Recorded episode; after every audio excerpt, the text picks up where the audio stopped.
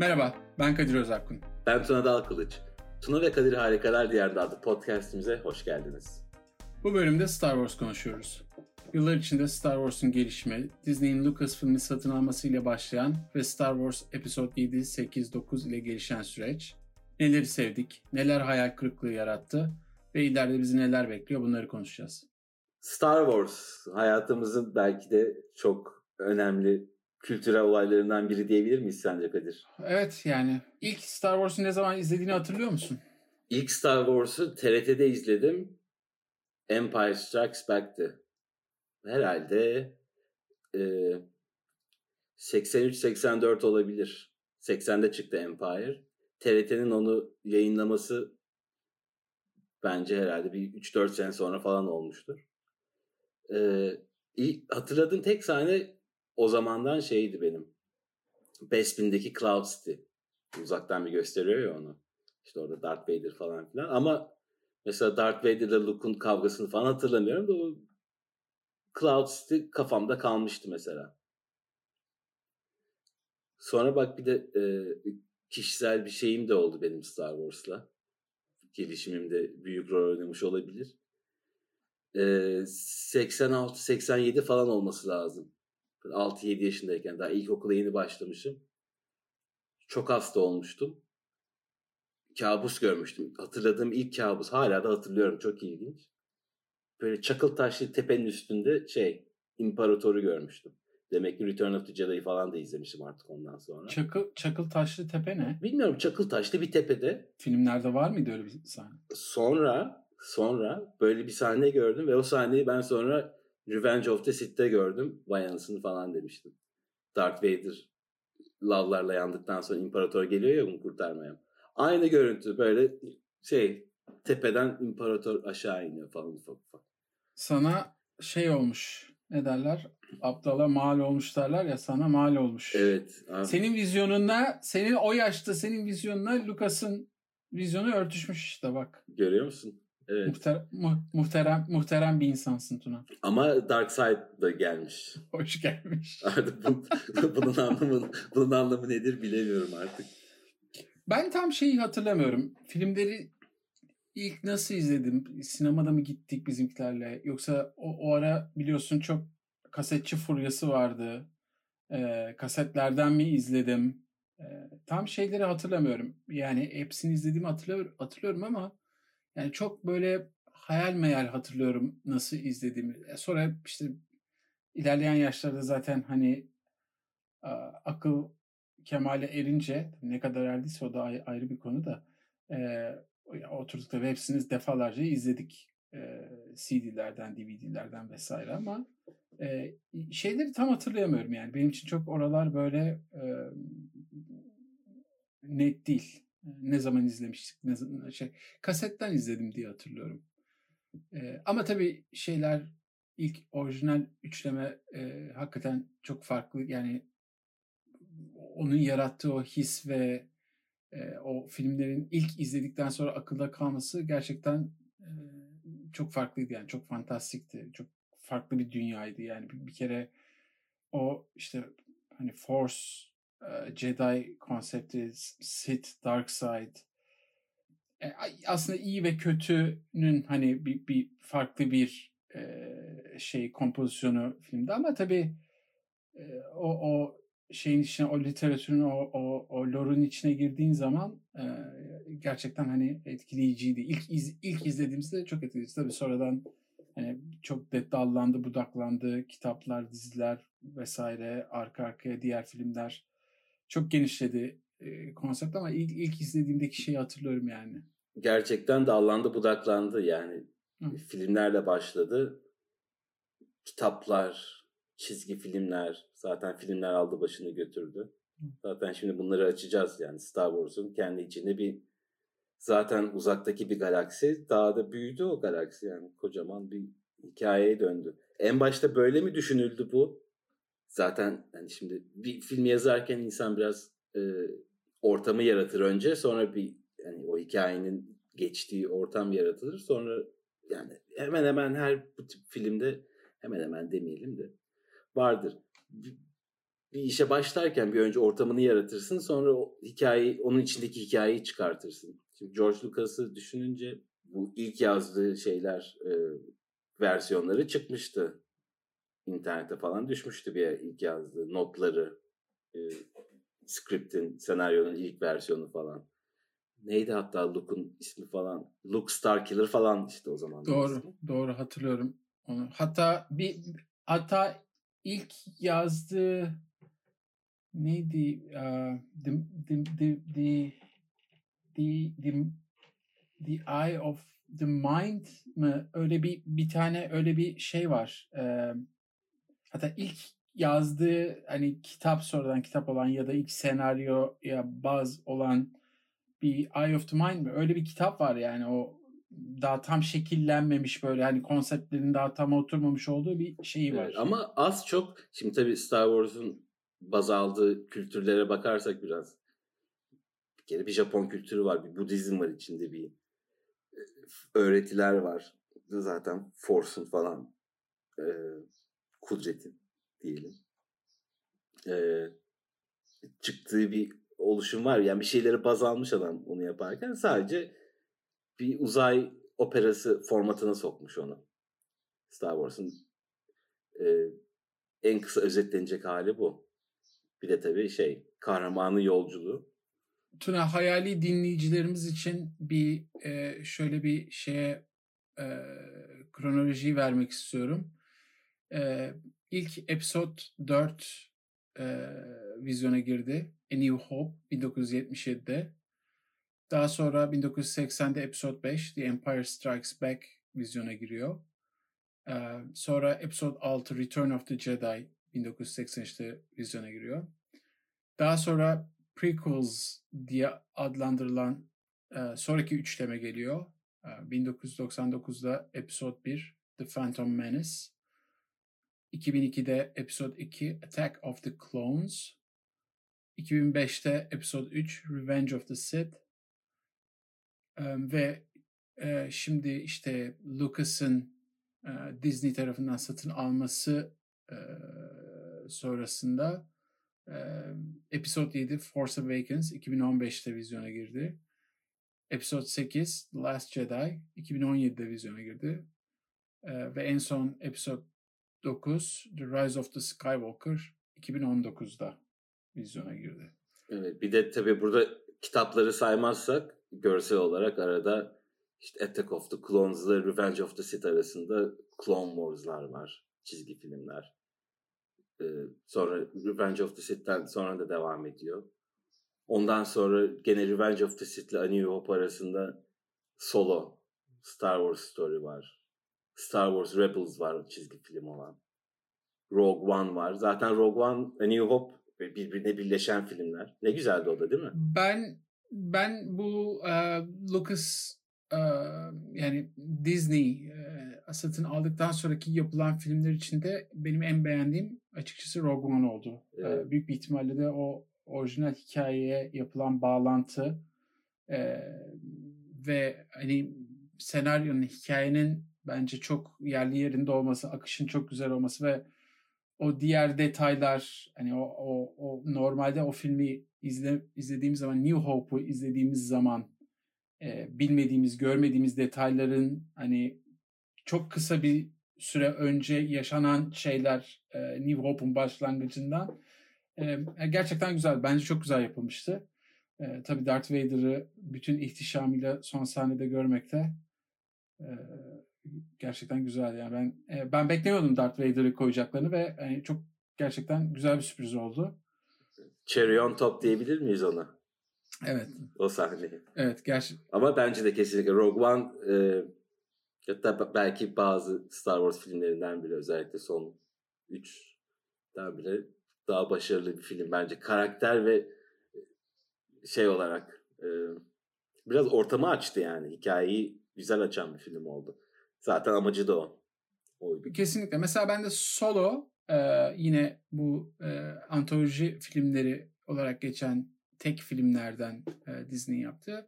Hani Han Solo'nun e, biraz da e, gençliği ve işte hayatını anlatan film ya da hayatının bir kesitini anlatan film ben o kadar beğenmedim açıkçası yani. Ee, neden onu seçtiler hani hikaye olarak anlatma filmi olarak çekme? Enteresan yani. Tabii bir sürü de o filmle ilgili problemler de oldu. Onları da anlatacağız diğer bölümlerde.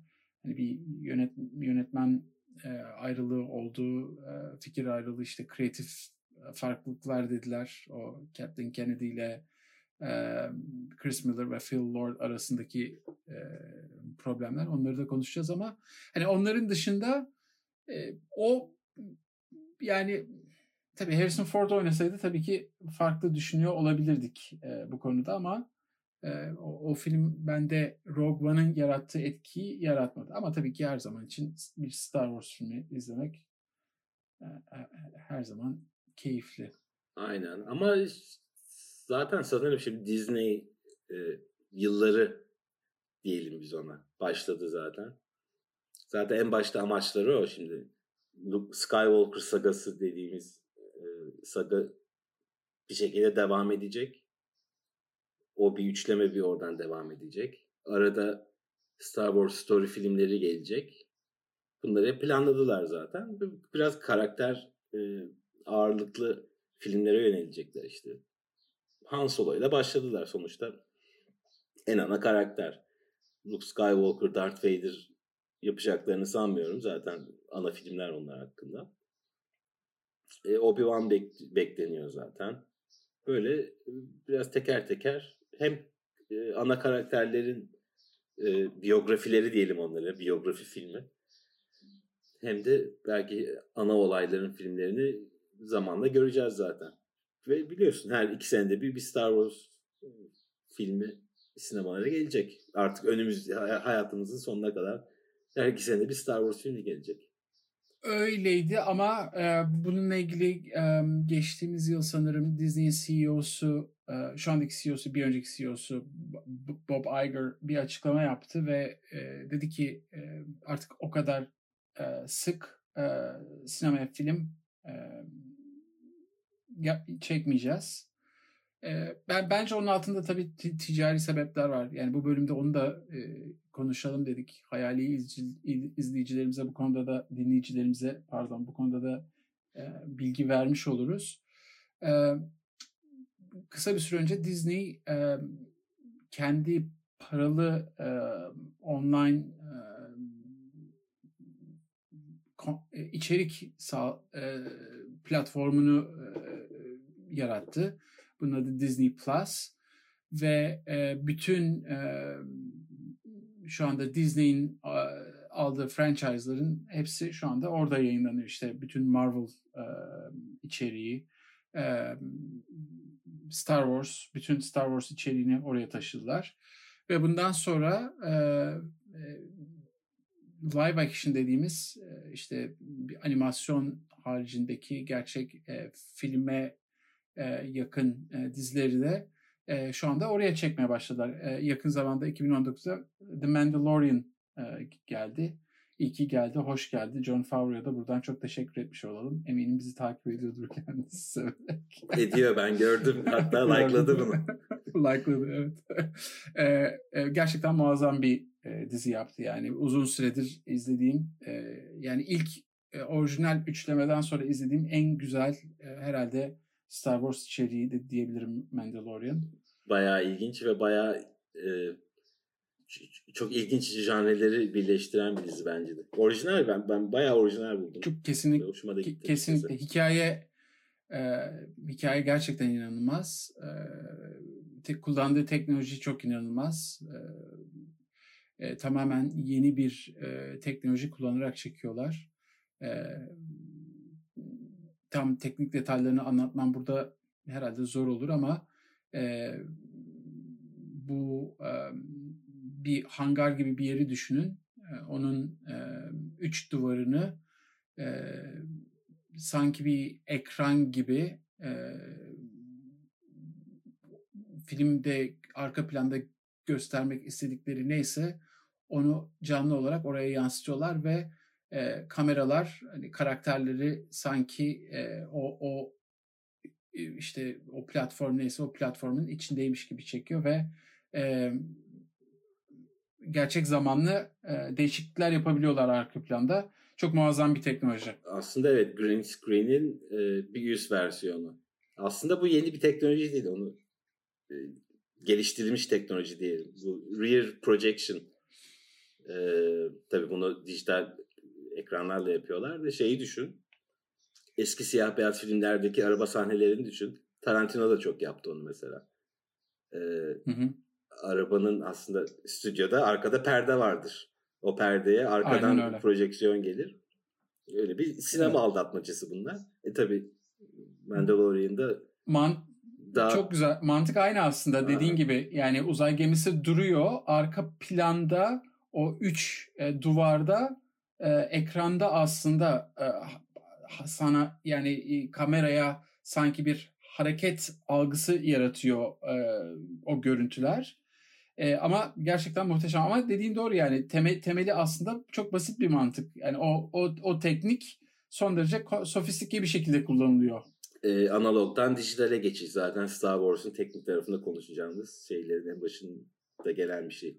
Digital Real Projection olmuş burada.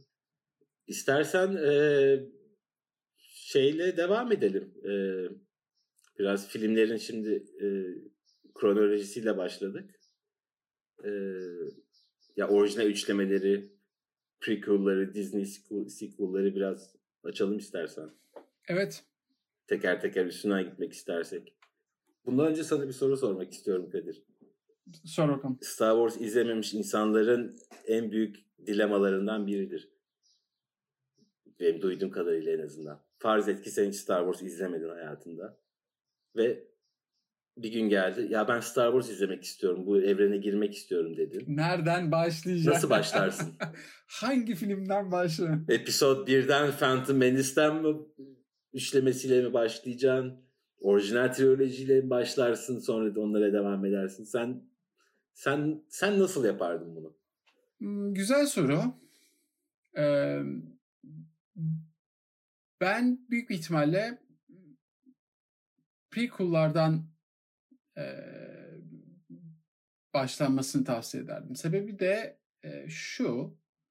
E, evet yani biz önce orijinal üçlemeyi izledik. Daha sonra e, geçmişe döndük. Prequel'ları izledik. Şimdi de işte e, Return of the Jedi'dan 30 sene sonrasını Force Awakens'la başlayan süreçte izledik.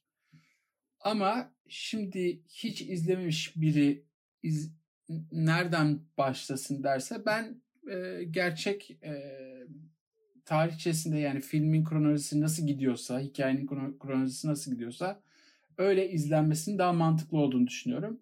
Sebebi de şu, e, o hissiyatı, e, yani bizim yaşadığımız hissiyatı e, yeniden başlayan birinin yaşama şansı yok. E, en azından ben böyle düşünüyorum. Yani hani biz o filmleri izledik. Aradan 15 sene geçti. Bekledik bekledik. George Lucas prequel'ları anlattı bize. Bunun nasıl buraya geldi? İmparator nasıl bu noktaya geldi? İşte Republic nasıl o parçalandı da Empire oldu. Daha doğrusu e, parçalanmadı ama işte e, Palpatine nasıl Değişti. Palpatine nasıl e, rejimi değiştirdi? Yani o o o şekilde anlattı bize. Geriye dönerek anlattı. O, onu da merak ediyorum. Onu da ayrı soracağım sana. Belki bilgin vardır. Ama şimdi biri izleyecek olsa onun için çok mantıklı olmayabilir. Çünkü o bek yani o aradaki hani 15 sene bekledim de ah heyecanla izledim. Bak bir 15 sene daha bekledim. Şimdi 30 sene sonrasını anlatıyor Return of the Jedi, Jedi'dan sonra. E, o onun mantığı olmayabilir yeniden izleyecek bir kişiye. Ben de aynı şeyi düşünüyorum. Sonuçta adam o yüzden bunları e, numara verdi. 1, 2, 3, 4 diye gidiyor. Şimdi bu soruyu sormamdaki amaç çok sorulan bir soru. İşte çoğu insan şey diyor. Aa, filmin gerçek hissiyatını almak istiyorsan önce e, 77'de başlayan şeyle başla ki e, sonra devam et. Ama e, bence yanlış dediğin gibi dediğin mantıklı. Ee, şimdi bu yeni jenerasyonda bunu izleyecek insanlar hikayesi için izleyecek. O hikayeyi kapabilmek için, hikayeyi iyi anlayabilmen için de Sırasıyla izlemen daha iyi. Yoksa bizim gibi ya bu, kafa karışıklığına girersin. Bu, bu, Biz böyle bu, bu, bu şey izledik. gibi hani bir bir aynı olacak hani aynı nehir aynı nehirde iki kere yıkanamazsın diye bir şey var ya hani e, felsefede. E, yani bu bu şey gibi bir şey değil yani bu şimdi sıfır hiç izlememiş biri mesela ben kızlarıma izletecek olsam yani geri, eğer orijinallerden başlarsam ve sonra prequel'ları anlatırsam büyük bir ihtimalle kafaları karışabilir şu anda yani. Ne oldu niye şimdi nerede Luke hani falan. Yok geriye gittik şimdi hikaye önce. Yani sadece kafa karıştırabilir. Normal seyrinde tarihçesinde izlersen büyük bir ihtimalle daha mantıklı olacaktır. O, o şeyi de anlayabiliyorum yani. O o, um, orada aslında biraz şey var bir belli bir romantizm var ve e, hani ya biz böyle izledik işte önce orijinal üçlemeyle başladık sonra prequel'ları izledik. Evet ama o, o farklı bir dönemdi ve e, o, o be, işte 15 sene bekleyip o heyecanla prequel'ları izlemenin şeyi ayrı bir e, e, ruh hali ayrıydı. Şimdi baktığım zaman ben hani bana çok mantıklı gelmez birinin orijinalden başlayıp sonra geriye dönüp sonra da orijinallerin 30 sene sonrasını izlemesi. Evet bizim jenerasyonun egosu o. Ah biz öyle izledik siz de öyle izleyin. Ya da siz de öyle izlesiniz daha iyi ama yok öyle değil işte. Yeni jenerasyona bunu biz aktarmak istiyorsak adamlar e, kronolojik sıraya koydular zaten her şeyi. Girmek isteyen böyle girmeli. Peki ben sana bir soru sorayım Tuna. Ee, George neden sence önce orijin, orijinal üçlemeyle başladı da e, Phantom Menace'le hikayeyi anlatmaya başlamadı? Neden geriye döndü? Neden e, çünkü bir tahminimce kafasında hikaye baştan vardı. En azından bir fikri vardı nasıl e, New Hope'la başlayan hikayenin nasıl geliştiğini. E, neden baş, oradan başlayarak hani imparatorluğun oluşumunu sonra da işte Jedi'ın geri dönüşünü ve Luke Skywalker ve, ve Skywalker sagasının başlangıcını anlatmadı o şekilde. Ee, George Lucas en başında evet fikri vardı ama bu kadar geniş yoktu. Ya da şöyle diyeyim. Bir döneme kanalize olacaktı ki onun detaylarını incik mincik ekip çıkartıp senaryo senaryolaştıracaktı, karakterleri bulacaktı. Bence farz edelim ki bütün bu 9 filmde kafasındaydı adamın. Ee, ortadaki trilojiden başlamak bana mantıklı geliyor çünkü en e, yeni jenerasyon yani kendi içinde yeni jenerasyonun filmi. İşte Luke Skywalker'da iyi niyetli bir adam çıkmış. Jedi'lığı öğreniyor ilk kez. Şimdi bunlar e, hikayede ilginç şeyler yani. Force'u hiç bilmeyen biri öğreniyor filmde. Sen de bir izleyen olarak bunu e, giriyorsun. Bir bağ kuruyorsun. Ha, ben Luke Skywalker'ım yeni bir şeyler öğreniyorum. Ee, hiç bilinmeyen bir kötü karakter var. Darth Vader. Onunla tanışıyorsun. Yani biraz e, dediğim gibi bence en başından bütün bu hikaye kafasında yoktu. Az buçuk vardı ama bütün detayları yok. Zaten Empire Strikes Back ve Return of Jedi'da da yani Lost Lost'u düşün ya da Lost'u Lost, Lost'u düşünmek istemiyorum Tuna. Lost diyelim. Hayatımın uzun bir dönemini Lost'u ben de düşünmek istiyorum ama hani e, dizi şey dizi senaristi düşün. Evet tamam yapım şirketine e, fikri veriyorsun. Daha senaryosu yazılmamış. Fikir olarak var. Bu e, çekerken ve ilerlerken sonuçta bir senelik, iki senelik, beş senelik bir süreç oturuyor. Daha da hani karakterle oturuyor. Yazarak gidiyorsun. Bence e, hikayenin güzel bir tarafıyla başladı. Ve benim üçlemeye bakış açım genelde şöyle oluyor. Neden prequel'ları sonra yaptı dersen. Şimdi A New Hope, The Empire Strikes Back ve Return of the Jedi Luke Skywalker hikayesi. Yani ana karakter Luke Skywalker ve Luke Skywalker'ın gelişimi. Şimdi Luke Skywalker yani bunun için zaten buradan başladı. Luke Skywalker'la başladı. Zaten karakteri o, onun şeyi o. Alter egosu diyelim. Her yönetmenin bir alter egosu vardır. Luke Skywalker. Adam George Lucas onun filmini yaptı aslında. Sonra neden prequel'ları yaptı ya da prequel'ların e, gidişatı neden buna e, bu episod 1 2 3'e baş e, döndü diye düşününce orijinal üçlemeyi yaptıktan sonra bence bütün insanların aklında bir karakter kaldı.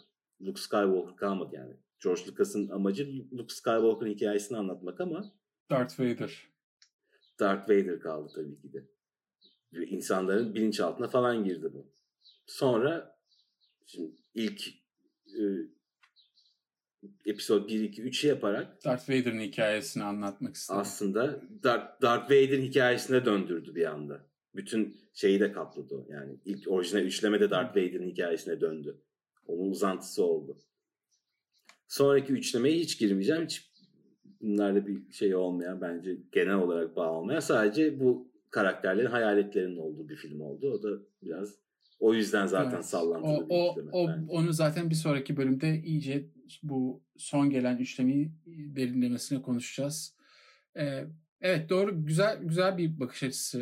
Ee, şimdi geriye dönüp bakınca e, tabii o dönemde prequel'larda da e, fandom çok eleştirdiği yerler oldu. Özellikle Attack of the Clones'un e, bir aşk filmi olması e, daha ziyade daha ziyade yani bir Star Wars hikayesinden ziyade bir aşk hikayesi olması e, ve hani kumdan nefret ediyorum. Ve evet e, ve Natalie Portman'la e, Hayden Christensen arasında hiçbir kimya, hiçbir elektrik ve e, hiçbir samimi duygu akışı olmaması bence o filmi ciddi anlamda kötü etkiledi. E, yani kötü kötü ama öyle öyle diyorsun ama öyle diyorsun ama bak problemli çocukların doğduğu bir ebeveynlerden bahsediyoruz. Ne aşkı? Yani evet. yalan aşklar işte. Olmamış aşklardan böyle çocuklar sorun çocuklar doğmuş. Demek istediğim değil. Hikaye, hikaye hikayeyle ilgili değil benim dediğim. Yani bence bence hikayede problem yok. Ee, senaryoda da problem yok. Bence e, ben ben, oyuncu, aktörlük Şöyle olarak bence kötü oyunculardı yani ben, bence Hayden Christensen da kötü değildi. Şimdi geri dönüp bakınca e, biraz sanki e, haksızlık edildi gibi ona da. E, bence kötü değildi.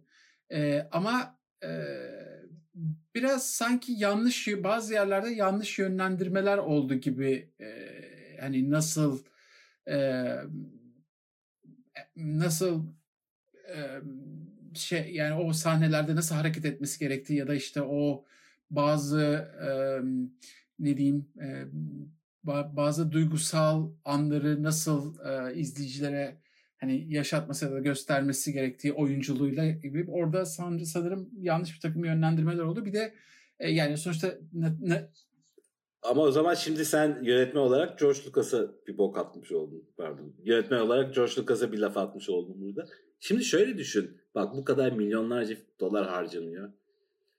Bunun bir sistematiği var. Her gün her saat neyin çekileceği falan filan her şey bunların planlanıp yapılıyor. Bunun yani bu ekrana yansıdıysa bunun bir amacı olmalıdır filmde her zaman. Yani George Lucas iyi yönetemedi orada oyun zaten. Şimdi yönetmenin film çekilirken amacı oyuncu yönetmek. Başka pek bir şeyle de ilgilenmez.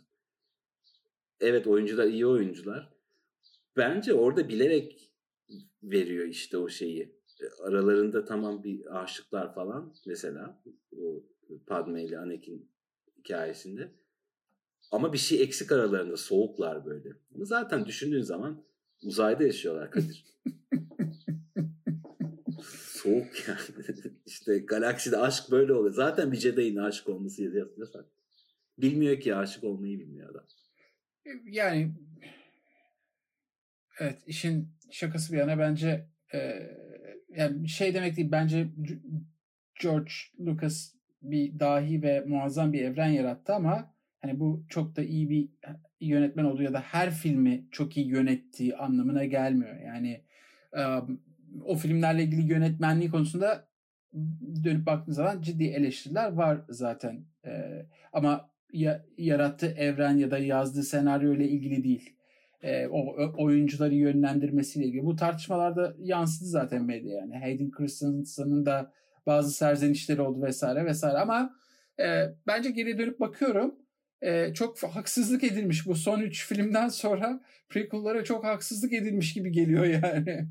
Evet şimdi evet. bu son üç film biraz prequel'ları daha da bir e, iyi değerli gösterdi kıldı. aslında. Değerli kıldı. Değerli kıldı. Şu George Lucas'ın olayında tabii bir de Jar Jar Binks'i eklemeden geçemeyeceğim sonuçta. Jar Jar Binks olayı var. O yüzden George Lucas'a ne kadar kızsak haklıyız. Evet o kötü talihsiz bir tercih olmuş ama Jar Jar kabulümüzdür. Ee, yani e, bu e, Last Jedi'daki tavuklardan sonra Jar Jar yine kabulümdür. Ee, bu bölümü kapatmadan önce bir iki e, şey de konuşalım istiyorum. Ee, özellikle yine e, şeye bağlı bağlamak istiyorum konuyu. Ee, bu Disney Plus'ın gelmesi ve Star Wars için bunun ne anlama geldiği konusunda. Ee, iki tane e, Mandalorian haricinde iki tane yeni e, live action e, dizi e, çekiliyor. Bir tanesi e, henüz bir başlığı olmayan ama e, Obi-Wan Kenobi'yi e, Obi-Wan Kenobi'nin e, Tatooine'deki e, geçirdiği zaman dilimini anlatan e, bir dizi çekiliyor. E, ne zaman e, Disney Plus'a geleceğini bilmiyorum ama e, anons ettiler ve Ewan McGregor bir kez daha Obi-Wan Kenobi rolünü canlandıracak. En en sevindiğim şeylerden bir tanesi. Önce hatırlarsan uzun süre tartışmalar şeyler vardı. E, spekülasyonlar vardı. Filmi olacak. Obi-Wan Kenobi filmi gelecek. Her e, Star Wars Celebration'da e, Ewan McGregor'ın sahneye çıkıp işte filmin anonsunun yapılması speküle edildi. Ama olmadı. En sonunda e, dizinin anonsu yapıldı. E, ve e, Ewan McGregor dizide Obi-Wan rolünü canlandıracak. Ne düşünüyorsun? Tabii bu endüstrinin endüstrinin gidişatıyla da biraz alakalı. E, aynen film dediler. Benim de mesela şahsen gönlüm isterdi ki film olsun. Daha bir yapıttır. Yani öyle bir yapıt gözüyle bakılır belki filme ondan bilmiyorum. Bir romantik bir bakış açısı ama e, zamanımızı bu günlerin şartları özellikle bu günlerin şartlarını düşündüğün zaman tabii ki de televizyona ağırlaşıyorlar. Sinema biraz sinema biraz ölüyor maalesef. Yani sinema salonundaki Doğru. sinema ölüyor. Katılıyorum. Diyelim o kültür biraz ölüyor. Ama e, şu bir yandan da bir e, bir bir Star Wars e, hayran olarak ya da bir fan olarak e, şu açıdan da mutlu oluyorum. E, bunu daha önce de konuşmuştuk seninle. Sinemaya gelen film yaklaşık ortalama 2 saat, 2,5 saat ve e, yani hikayeyi belli bir noktaya kadar anlatabiliyorsun. Daha detaylarına giremiyorsun, daha derin işleyemiyorsun. Ama gelecek olan dizi büyük bir ihtimalle birer saatlik e, 8 bölüm ya da 10 bölümden oluşan 8 ya da 10 saat arasında bir hikaye olacak. Dolayısıyla çok detaylı e, ya biz bizi çok tatmin edecek e, bir materyal ortaya çıkıyor 8-10 saat o anlatıldığı zaman. Mandalorian'ı düşündüğün zaman o hikayeyi film olarak anlatmaya kalksan birçok yerini belki de e, izleyiciye yansıtamayacaksın ya da oradaki birçok detayı atlamak zorunda kalacaksın ama bu şekilde verildiği zaman tabii ki sinemanın o büyüsü e, olmuyor. Yani televizyon karşısında izlediği zaman. Ama diğer bir taraftan da çok daha detaylı bir hikaye, çok daha derin ve detaylı e, hikayeyi şey yapabiliyorsun. E, eğer duyduklarım, okuduklarım, yazılan çizilen doğruysa e, bir e, Obi-Wan e, Darth Vader karşılaşması olacağı söyleniyor bu dizide. Güzel bir beklenti. Ben Obi-Wan Darth Maul karşılaşması da bekliyorum bu diziden biraz e, bunun tohumları atıldı gibi geliyor bana. Han Solo'nun e, filminin sonunda bir Darth Maul'u gördük. E, yani bu oyunun geneline baktığın zaman da Obi-Wan'ın e, Darth Vader'dan önceki ana düşmanı da Darth Maul. Umarım Darth Maul'u da görürüz. Darth, Darth, Darth Maul'u görebiliriz görürüz. ama Darth Maul'u e, onu şeyde e, izlediysen Rebels'da işlediler ve e, o son yüzleşmeyi yaptılar. E, Tatooine'de ve evet. E, gerçekten bir samuray dövüşü şeklinde 3 e, lightsaber darbesiyle ya da 3 lightsaber hani e, çakışmasıyla hani öyle 3 saat süren ya da işte 15-20 dakika süren bir duel olmadı. Gerçek bir samuray dövüşü gibi e, ve e, benim Star Wars'ta izlediğim en güzel lightsaber evet, yani, duel'ıydı zaten. 5 saniye. Muazzamdı ve e, işte şey olarak da e, felsefe olarak da işte hikayenin işlenişi olarak da o animasyondaki bakış açısıyla e, gerçekten bu son 3 filmdeki e, izlediğimiz şeyler arasındaki bence büyük eksiklik o. Yani orada 3 saniye sürdü o e, Darth Maul ve e, Obi-Wan Kenobi'nin e, yüzleşme sahnesi ve e, belki de hani Star Wars tarihindeki en kısa lightsaber duellosuydu. E, ama aslında baktığınız zaman çok derin bir e, olaydı ve hani o son e, hareketi bile e, Darth Maul'un yaptığı aslında geriye dönüp baktığınız zaman Phantom Menace'te Qui-Gon'a yaptığı hareketi yapmaya çalıştı tekrar. Ama bu sefer e, Obi-Wan yemedi, yemedi. ve e, hani ona karşılık vererek e, son hamlesini yaparak e, şeyi Darth Maul'u öldürdü. Yani e, tabii yani şey e, o yüzden Darth Maul'u bir daha işleyeceklerini dizide zannetmiyorum ama şaşırtıcı olan biraz da e, aslında çelişkili olabilecek bir şey. Darth hep hikayede bugüne kadar ilk yüzleşmelerinin e, Obi-Wan'la Darth Vader'ın ilk yüzleşmesinin daha doğrusu Anakin Darth Vader olduktan sonra ilk yüzleşmesinin e, gemide e, New Hope'ta gemideki sahne olduğunu hep düşünüyoruz. O, onu diyecektim ben de. Çünkü oradaki diyalogda uzun zaman oldu. İşte şimdi sen Master'dın, şimdi ben Master'ım. Şimdi senin dediğin, şimdi Darth Vader'la bir görüşmesi de bir diyalog olmayabilir en azından. Belki gemileri yan yana geçer en fazla. Evet, ama orada çünkü o zaman e, A New Hope'taki diyalog çöpe gitmiş olabilir. Bence gitmeyecek. Neden biliyor musun? Bence onu çok güzel bir şekilde e, şey yapacaklar. E, nasıl diyeyim? E, yani hikayeyi bence çok doğru bir şekilde bağlayabilirler. Neden? Çünkü orada bir boşluk var, bir belirsizlik var. Yani ge- gemide karşılaştıkları zaman e, birbirlerini tanıyorlar. E, ve Obi-Wan e, Anakin'in hayatta olduğunu ve ve Darth Vader olduğunu biliyor. Detaylı bir şekilde nasıl biliyor, nerede bili, nereden biliyor, karşılaştılar mı, yüzleştiler mi? Tabii bunların detayları o üçlemede e, veya daha sonraki e, e, canon diye tabir edilen literatürde açıklanmadı veya bununla ilgili bir detay yok. Ama bence bir şekilde bir e, o e, filmlerdeki o filmlerdeki tarihçeyi çürütmeden bir yüzleşme olacak. Belki çok kısa, belki çok e, hani birbirlerini teğet geçen bir şekilde olacak. Ama e, e, en azından duyduğum dedikodu bir e, yani dizide Darth Vader'ı göreceğiz anladığım kadarıyla. Yüzleşecekler mi, karşılaşacaklar mı, nasıl karşılaş, karşılaş karşılaşacaklarını merakla bekleyeceğiz. Bir diğer e, dizide e, buradan e, hemen oraya da geçiş yapayım. E, yine Disney Plus'a geleceği açıklanan, anons edilen e, Rogue One e, la bağlantılı bir dizi çekiliyor ve e, Diego Luna'nın canlandırdığı e, Cassian Andor ve Alan Tudyk'in e, seslendirdiği K2SO robot e, ana karakterler olacak dizinin ve bu da galiba e, Cassian Andor'ın biraz geçmişine nasıl işte e, önce federasyon e, ailesi federasyon için herhalde çalışıyordu bir şeyler oldu sonra sonradan e, şey oldu e, Rebellion'a katıldı ve e, işte orada bir casus oldu.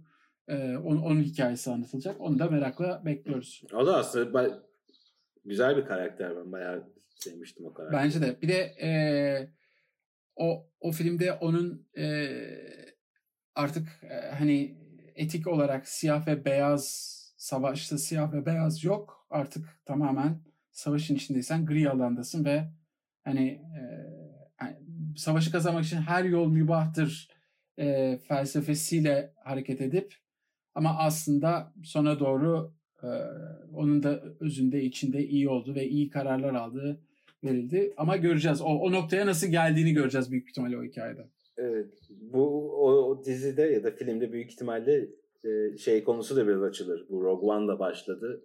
Rebels'da da süre gelen bir alt metin var Star Wars'ta. Robot reisizmi. Kate biliyorsun bayağı bir robot e, şeyi e, robot ırkçılığı. Böyle robot haklarını savunan bir robot. E, de, yani Star Wars evreninde bir de böyle bir şey var. Robotlar köle. Yani kölelik var zaten ama bir de robot köleliği var ve robotların hiç hakkı yok falan. Belki buna da girerler diye umuyorum. Güzel bir alt metin çünkü düşündüğün zaman. Go, Neden diye sorarsan. Ghost, Ghost, Ghost in the Shell. Ghost in the Shell'in konusuydu değil mi? Yanlış hatırlamıyorsam. Anime. Ghost in the Shell'de galiba bir e, robotlarla ilgili bir böyle bir ırkçılık daha doğrusu e, robotlara karşı yapılan Öyle, ayrımcılık. Ya, Blade, Blade Runner'da bile var. Do- doğru. Onda da var. Bu Star Wars'ta çok gördük çünkü bunu. Return of the Jedi'daki robot işkence odaları efendime söyleyeyim. Ee, şimdi Star Wars'un yani A New Hope e, bak bunu en başında söylemedik ama bu çok e, bilinen bir konudur. İlk üçleme, ilk saga özellikle ve hatta bütün Star Wars'a baktığın zaman e, R2-D2 ile C-3PO'nun gözünden anlatılan bir hikaye aslında. E, ve robotlar Star Wars evreninin çok e, önemli karakterleri. Bunu... Doğru yani her her baktığın zaman 9 filmin hatta e, antoloji filmleri de sayarsan her filmin içinde var olan karakterler ve e, biraz onların gözlerinden e, bunu şey olarak hikaye. da biliyoruz. George Lucas Star Wars'ı yazarken birkaç tane e, ilham aldığı film var. Zaten crossover filmlerini çok seviyor. Obi-Wan zaten hani bir aslında bir samuray. Bu arada küçük bir trivia verelim. E, Alec Guinness'tan önce George Lucas e, Toshiro Mikufune'yi istiyor şeye Obi-Wan karakterine.